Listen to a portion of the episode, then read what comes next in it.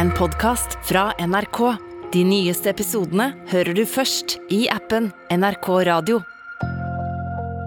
En mørk kvinne med lange dreadlocks og hettegenser stiger ut av et fly like utafor Moskva i Russland.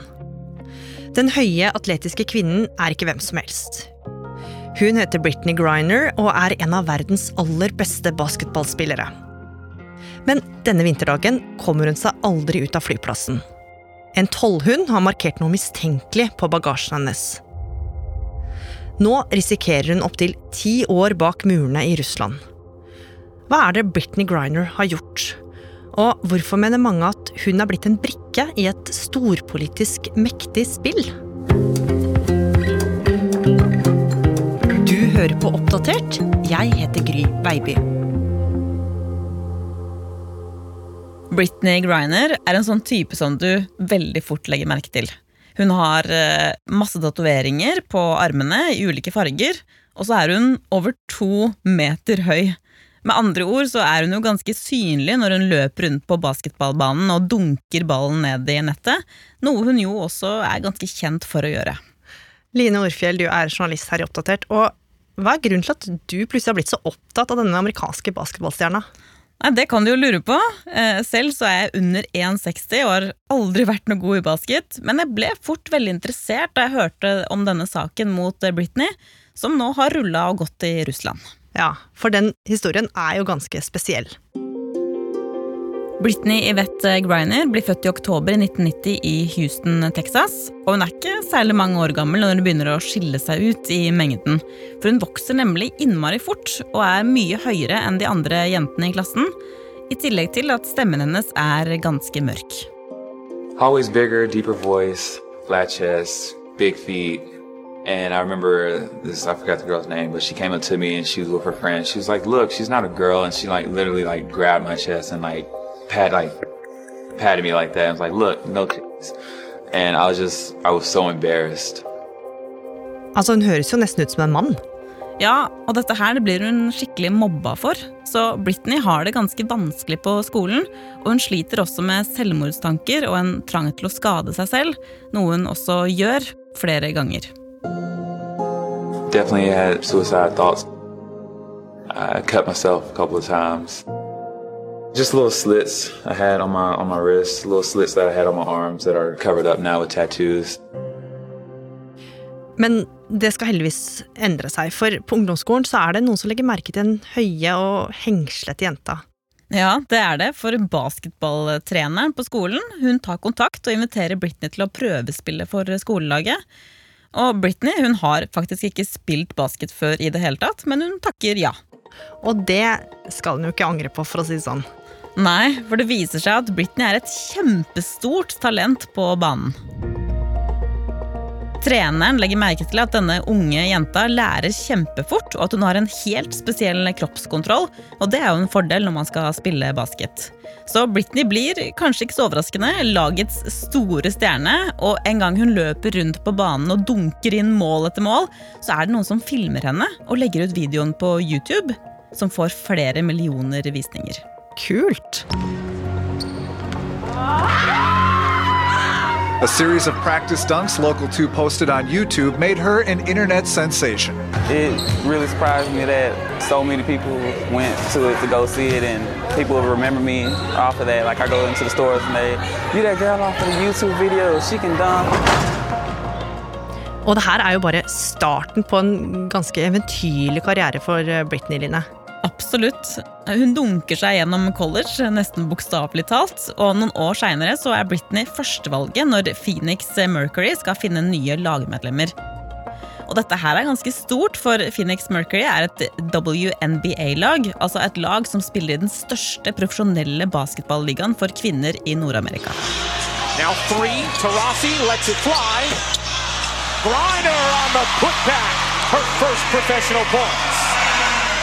No other woman who plays basketball can do that. Hun får også en plass på landslaget, og Britney er helt klart en av grunnene til at USAs kvinnelige basketlag vinner OL-gull, både i Rio i 2016 og i Tokyo i fjor. I tillegg til å gjøre enorm suksess på basketbanen med fans over hele USA, så blir Britney etter hvert også et viktig forbilde. Absolutt. I 2013 så gjør hun et intervju der hun kommer ut som lesbisk, og seinere så signerer hun en stor sponsoravtale med Nike. Og det er det ingen andre åpent homofile idrettsutøvere som har gjort før henne. Og selv så er Britney opptatt av å utfordre de tradisjonelle kjønnsrollene i samfunnet, og nettopp derfor har hun ofte på seg klær som er henta fra den såkalte herrekolleksjonen til Nike. Men selv om Britney er en stor stjerne på banen og blir veldig ettertrakta, så er hun jo ikke akkurat rik. For det å være en kvinnelig basketballspiller er nemlig ikke sånn kjempegodt betalt i USA. Nei, ikke i det hele tatt. Kvinnelige spillere får en mye dårligere årslønn der enn sine mannlige kolleger. Og Britney hun har jo selvfølgelig lyst til å tjene like mye penger som dem, og ikke minst jobbe året rundt. Den amerikanske basketsesongen går over ulike perioder, så Britney bestemmer seg for å finne et lag som hun kan spille på mens det er pause i USA. Og da hun får et tilbud fra et russisk basketballag, så kan hun ikke takke nei, for der vil hun tjene flere ganger mer enn hun gjør hjemme i USA. Og i flere år så spiller Britney på det russiske laget helt uten problemer. Men vinteren 2022 skal få stor betydning for Britney. For da begynner konflikten mellom Russland og Ukraina å tilspisse seg, og mange begynner å frykte en full krig. Ja, og i midten av februar så går det skikkelig galt for Britney. Denne dagen skal Britney, som hun så ofte gjør, reise til Russland for å spille en vennskapskamp med det russiske laget sitt. Men etter at hun har henta bagasjen sin, så blir hun plutselig stoppa og bedt om å sende kofferten gjennom en skanner. Og Line, de russiske tollerne de finner noe i kofferten hennes. Ja. Der ligger det 0,7 gram med cannabisolje for e-sigaretter. Britney har dokumentasjon for at hun kan bruke dette av medisinske årsaker i USA, men i Russland så er dette her strengt forbudt.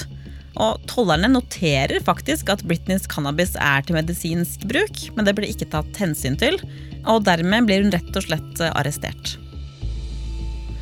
Og nøyaktig én uke etter at Britney blir satt i varetekt, starter Russlands invasjon av Ukraina.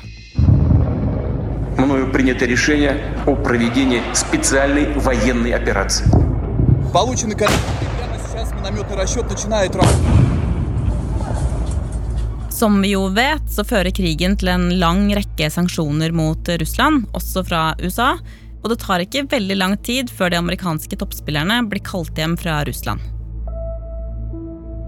Men for Britney så er det for seint. Hun sitter alene i fengsel, og foreløpig er det ganske få som vet at hun sitter der. Faktisk tar det flere uker før russiske myndigheter går ut med arrestasjonen.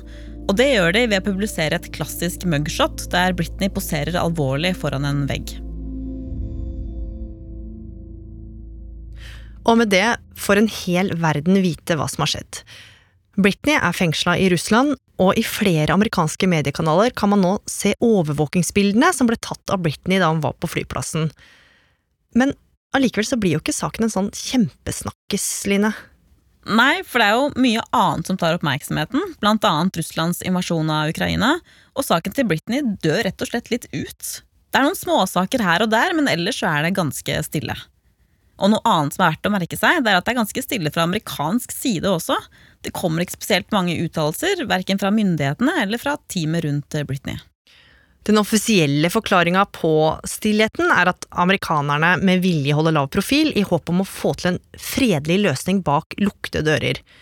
Men det skjer jo ikke. Nei. Britney blir nå sittende fengsla i måned etter måned uten at det egentlig er noe særlig utvikling i saken. Og i media så spekuleres det på om idrettsstjernen har blitt en politisk brikke Tidligere viseforsvarsminister i USA, Evelyn Farkas, mener at Russland holder Britney som et slags gissel, og at de vil bruke henne for alt det er verdt. F.eks. til å få utlevert en russisk fange. What has happened is that Vladimir Putin's realized the first two that he's holding in custody haven't gotten him anything, right? Hmm. But Brittany Griner, she's a star athlete. This will cause some pressure to be put on the White House to release her, to get her out somehow. Um, and Vladimir Putin will have his price. Og nå ser det ganske mørkt ut for Britney, for det virker som hun står ganske aleine i det hele.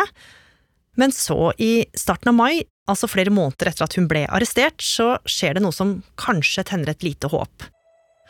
Da kommer det nemlig en offisiell uttalelse fra det amerikanske utenriksdepartementet, hvor de skriver at fengslinga av Britney er fullstendig uberettiga, og at de prioriterer saken høyt. Men det er jo ikke alle som helt tror på det myndighetene sier. Nei. For hjemme i USA så sitter kona til Britney, Sherelle Griner, og hun er på ingen måte fornøyd med innsatsen fra amerikansk side. Hun er faktisk så desperat at hun går ut og snakker med media for aller første gang. You say she's top priority, but I want to see it. And I feel like to see it would be me seeing BG on US soil. At this point, I don't even know who I'm getting back when she comes back. Og nå begynner også amerikanske medier å slå fast at Britney hun holdes fengsla uten grunn. Men Russland de avviser blankt at stjernespilleren blir brukt som noe gissel. En talsmann for eh, Putin sier at Britney er fengsla fordi hun har brutt loven, og at det er den eneste grunnen. The US government is now approaching this as a hostage situation. I would strongly disagree with that. We cannot call her hostage. She violated Russian law, and now she is being prosecuted. Det er også flere som mener at Britneys legning spiller en rolle i saken, for hun legger jo ikke skjul på at hun er lesbisk, noe som ikke nødvendigvis er så populært i Russland. Men mens debatten raser utafor fengselsmurene, så har Britney nesten ingen kontakt med familien. Etter noen lange måneder i varetekt, som stadig blir utvida av russiske myndigheter, så er saken endelig klar for retten i starten av juli. Og nå følger amerikanske medier saken dag for dag. Iført håndjern, runde briller og med lange, svarte dreads blir Britney ført ned en trapp. Hun har på seg en hvit T-skjorte med bilde av Jimmy Hendrix på, og ser alvorlig ut der hun raver et hode over de andre. De første dagene av rettssaken så får ikke Britney si noe selv, hun sitter bare og hører på. Og man kan jo se for seg at hun er ganske nervøs og redd på dette tidspunktet. Hun aner ikke hva som kommer til å skje med henne. På 4. juli, altså nasjonaldagen til USA, så setter hun seg ned og skriver et brev til president Joe Biden, hvor hun trygler ham om å ikke glemme henne. Og litt senere bekrefter Det hvite hus at Joe Biden personlig har lest brevet hennes. Og så, etter flere dager i retten, så får Britney endelig mulighet til å forsvare seg. Britney blir leda inn, fortsatt med håndjern på. Men i den ene hånda så klarer hun likevel å bære med seg et bilde av kona si, Cherrell. To fengselsbetjenter følger henne inn i den lille rettssalen, og så blir Britney plassert i en slags celle midt i rommet, nesten som et eh, bur. Og når det er hennes tur til å snakke, så erklærer hun seg skyldig, for hun hadde jo faktisk tatt med seg cannabis inn i Russland, men hun understreker at hun ikke mente å gjøre noe kriminelt. Britney sier at hun måtte pakke i full fart før hun skulle reise til Russland, og at cannabisoljen ble lagt i bagasjen ved en feil. I would like to plead guilty on the charges, but I had no intention on breaking any Russian law. I was in a rush packing, and the cartridges accidentally ended up in my bag. Men innrømmelsen har ingen effekt. Torsdag 4. august blir Britney Griner dømt til ni års fengsel for oppbevaring av narkotika og narkotikasmugling. Britney selv er helt alvorlig mens dommen leses opp. Det er ikke en eneste følelse i ansiktet hennes. Og etterpå så vil hun ikke snakke med pressen i det hele tatt. Det eneste hun vil si, er at hun elsker familien sin.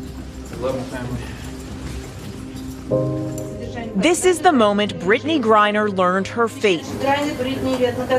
Standing in a cage in a Russian courtroom, hearing she's been sentenced to nine years in a Russian prison camp. Earlier, Griner emotional, saying she takes responsibility for illegally bringing vape cartridges containing cannabis oil into the country back in February. Og dommen den vekker reaksjoner. Helt klart. Mange mener at Britney fortjener å bli dømt i saken, og at hun ikke burde få spesialbehandling bare fordi hun er en kjent idrettsstjerne. Mens andre, f.eks. Britneys amerikanske lagkamerater, de gir henne full støtte. Dessuten så kommer også Joe Biden på banen igjen med en offisiell uttalelse der han tydelig sier at Britneys straff ikke kan aksepteres, og at han vil jobbe hardt for å få henne hjem til USA. Og Line, nå har jo Britney vært eh, i Russland i over et halvt år. Hvor står denne saken nå? Foreløpig så sitter hun i fengsel, mens teamet rundt henne jobber med en anke. Og det er en prosess som kan ta flere måneder. Samtidig så kan saken fort endre seg, for dagen etter at hun ble dømt, så kom det fram at Russlands utenriksminister er positiv til å gjøre en slags byttehandel. Altså de vil utlevere Britney og en annen amerikansk fange i Russland, mot at USA på sin side gir fra seg en russisk fange. Men Line, det kan jo nesten virke som at Russland hadde en plan for Britney hele veien, altså at meninga hele tida ville være at de ville bruke henne for å utveksle fanger? Ja, det er jo mange eksperter som spekulerer på akkurat det. Og Russland og USA skal visstnok ha diskutert denne utvekslingsavtalen en god stund allerede. Men når dette skjer, eller om det skjer, det er fortsatt eh, usikkert. Uansett så virker det som at amerikanske myndigheter tar saken veldig på alvor, og det er jo gode nyheter for Britney.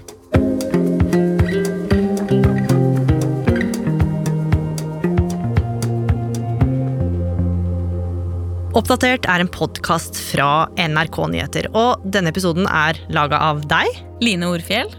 Andreas Berge. Og meg, Gry Veiby.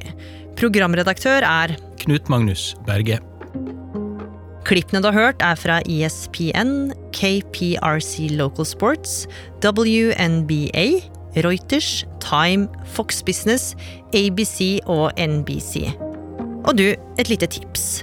Ett år er gått siden verden kunne se væpna Taliban-soldater rulle inn i Kabul, og med det rykke Afghanistan tilbake til start. Skroll deg tilbake i NRK-appen og hør episodene oppdatert lagde om hvordan Taliban klarte å gjenerobre makta på rekordtid. Og det ligger også en episode om hva krigen i Afghanistan dreide seg om. Du har hørt en podkast fra NRK. De nyeste episodene hører du først i appen NRK Radio.